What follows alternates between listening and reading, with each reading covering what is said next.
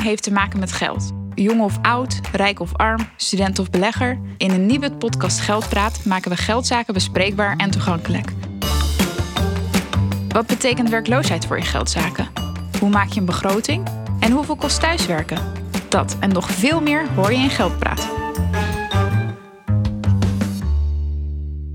Deze aflevering hebben we het over toeslagen. Aanvragen, stopzetten van toeslagen. We hebben er zelf af en toe een beetje moeite mee. En we vragen Marion om tips en tricks. Marion, welkom. Leuk dat je er weer bent. Dankjewel. Hoeveel mensen hebben er eigenlijk recht op toeslagen in Nederland?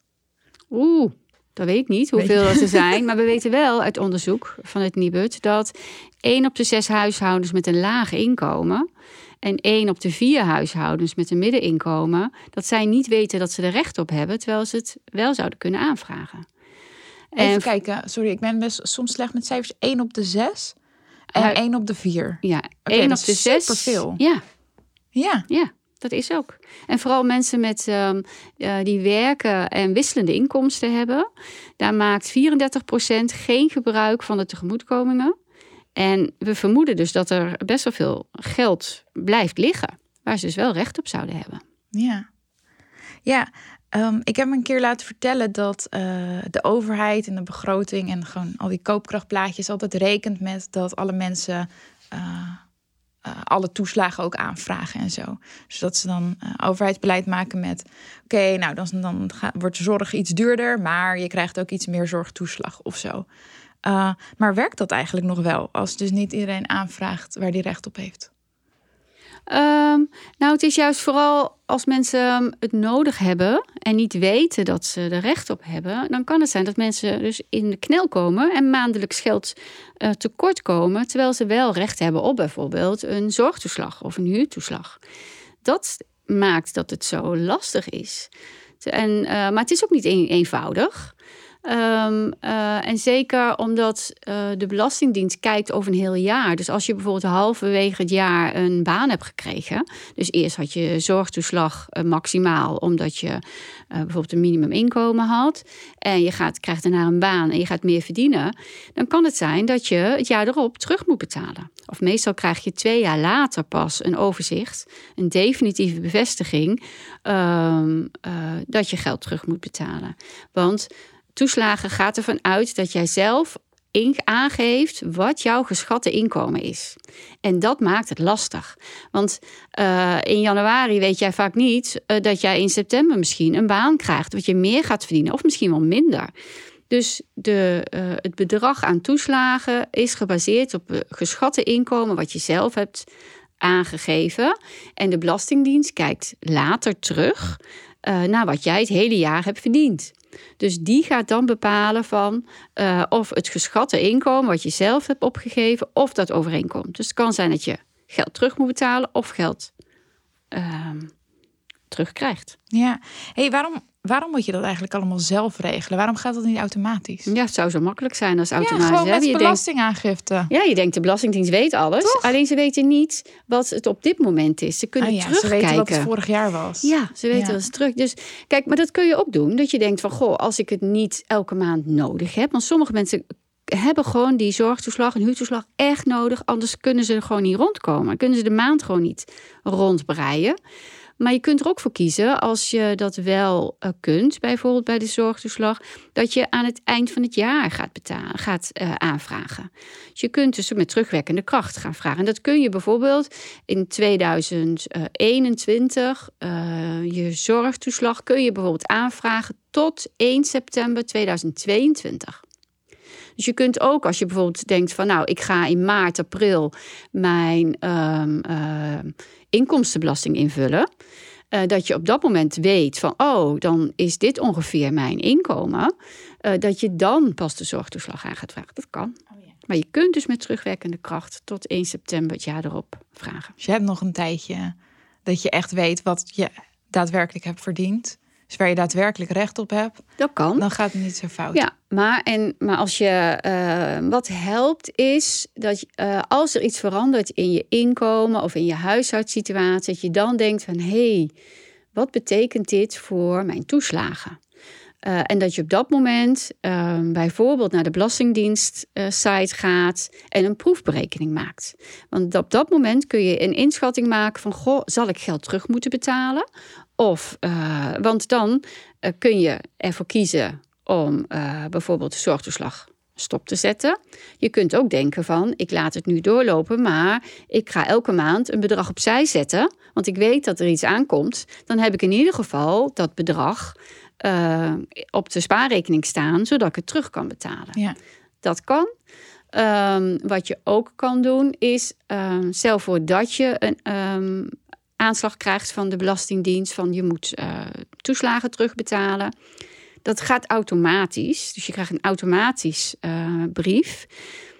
Weet dat je altijd kunt bellen met de belastingtelefoon om een betalingsregeling af te spreken. Sommige mensen weten dat niet. En uh, met als gevolg dat ze in één keer een bedrag terug moet betalen, bijvoorbeeld 1700 euro. En dat is een, een fors bedrag. Als je dat niet hebt, en uh, je betaalt het niet in één keer, dan kan het zijn dat je lopende toeslagen verrekend worden. Dus dan heb je nu ook geen geld meer. Terwijl als je net je inkomen achteruit is gegaan, heb je dus een groot probleem. Dus probeer altijd te bellen met de belastingtelefoon. Mag ik een reclame maken? Nee, hè? Maar 0800 0543. Het is een gratis belastingnummer. Uh, ik zou zeggen, gewoon bellen. Ja, gewoon voor de zekerheid. Ja, nee, super handig. Um, je zei dus dat best wel heel veel mensen hun toeslagen niet aanvragen. Weet je ook waarom ze dat niet doen? Zeker als je wisselende inkomsten hebt, hè, dus mhm. elke maand een ander inkomen. Denken mensen van ja, ik weet niet. Ik weet het gewoon niet of ik er voor een aanmerking kom. En ook dat mensen bang zijn om geld terug te moeten betalen. Dus die onzekerheid maakt dat mensen uh, het vooruitschuiven. Ja, dus mensen weten misschien niet dat ze er recht op hebben. En daarnaast weten ze niet zeker of ze er wel recht op hebben. En dan denk ik van ja, maar misschien zit ik dan met een rekening. Ja. En uh, ja, en het is ook soms ook wel een beetje uh, roms, romslomp. Het is een gedoe. Je moet het gewoon allemaal. Je moet er wel voor gaan zitten. Je moet uh, allerlei. Uh, ja, je moet het wel gaan regelen. En als je op dat moment gewoon geen. ja, stel voor dat je gestrest bent.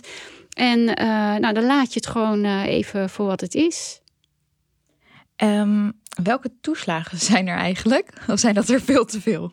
Nee, je hebt uh, de huurtoeslag. Dus zeg maar voor als tegemoetkoming voor, voor je huur. Ja. er zit wel een maximum aan. Um, en het is afhankelijk van je inkomen, maar ook van als je bijvoorbeeld een partner hebt van je gezamenlijk inkomen. Daarnaast heb je de zorgtoeslag, dus het tegemoetkoming voor om de zorgverzekering te betalen die is afhankelijk van, van jouw inkomen. Dus stel voor dat je uh, 18, 19 bent en je woont nog bij je ouders. Um, ze kijken niet naar het inkomen van je ouders, maar alleen naar jouw inkomen. Dus jij kunt zorgtoeslag krijgen, terwijl je ouders het misschien niet kunnen krijgen. Dan heb je nog de kinderopvangtoeslag. Um, die kun je krijgen als um, beide partners werken en de kinderen naar de kinderopvang uh, toe gaan. Die kun je trouwens niet met. Uh, uh, die moet je wel gelijk aanvragen. Die kan je niet met terugwerkende kracht. Die moet je binnen drie maanden daar, als je er gebruik oh. van maakt, moet je die aanvragen. dat is spannend. Ja, ja. ja. Nou, dat zijn de toeslagen. Dan heb je daarnaast nog kinderopvang. Oh nee, kindgebonden budget. Oh ja. Um, en ja, dat is dan ook. Um, dus die heet dan geen toeslagen, maar die kun je uh, ook uh, aanvragen. En je hebt nog andere tegemoetkomingen. Ja. En hoe kom je erachter? Want je zegt kindgebonden budget. Ik krijg binnenkort een kindje, hoop ik. Ik heb daar even naar gekeken, maar toen dacht ik, heb ik hier recht op? Hoe kom ik er eigenlijk achter? Want ik wist dat allemaal niet. Nee, ik zou gewoon naar de Belastingdienst gaan. Ja. En uh, proefberekening maken. En daar kun je gewoon uh, ingeven uh, wat je verdient. En dan krijg je een overzicht van waar je recht op hebt. Oh ja. Dus gewoon Belastingdienst uh, helpt je verder. En anders dan bellen we het 0800 nummer.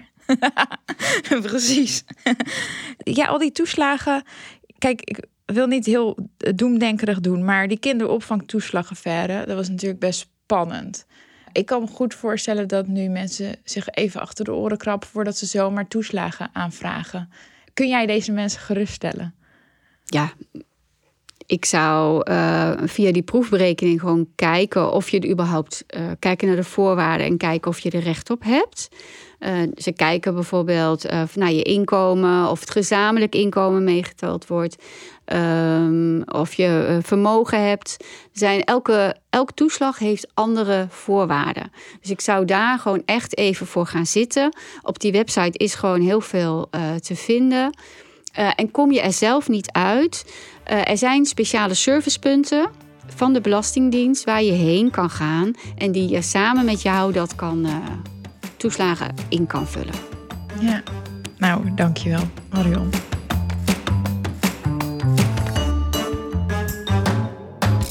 Bedankt voor het luisteren naar Geldpraat. Wil je meer weten over dit onderwerp? Ga dan naar nibud.nl slash podcast.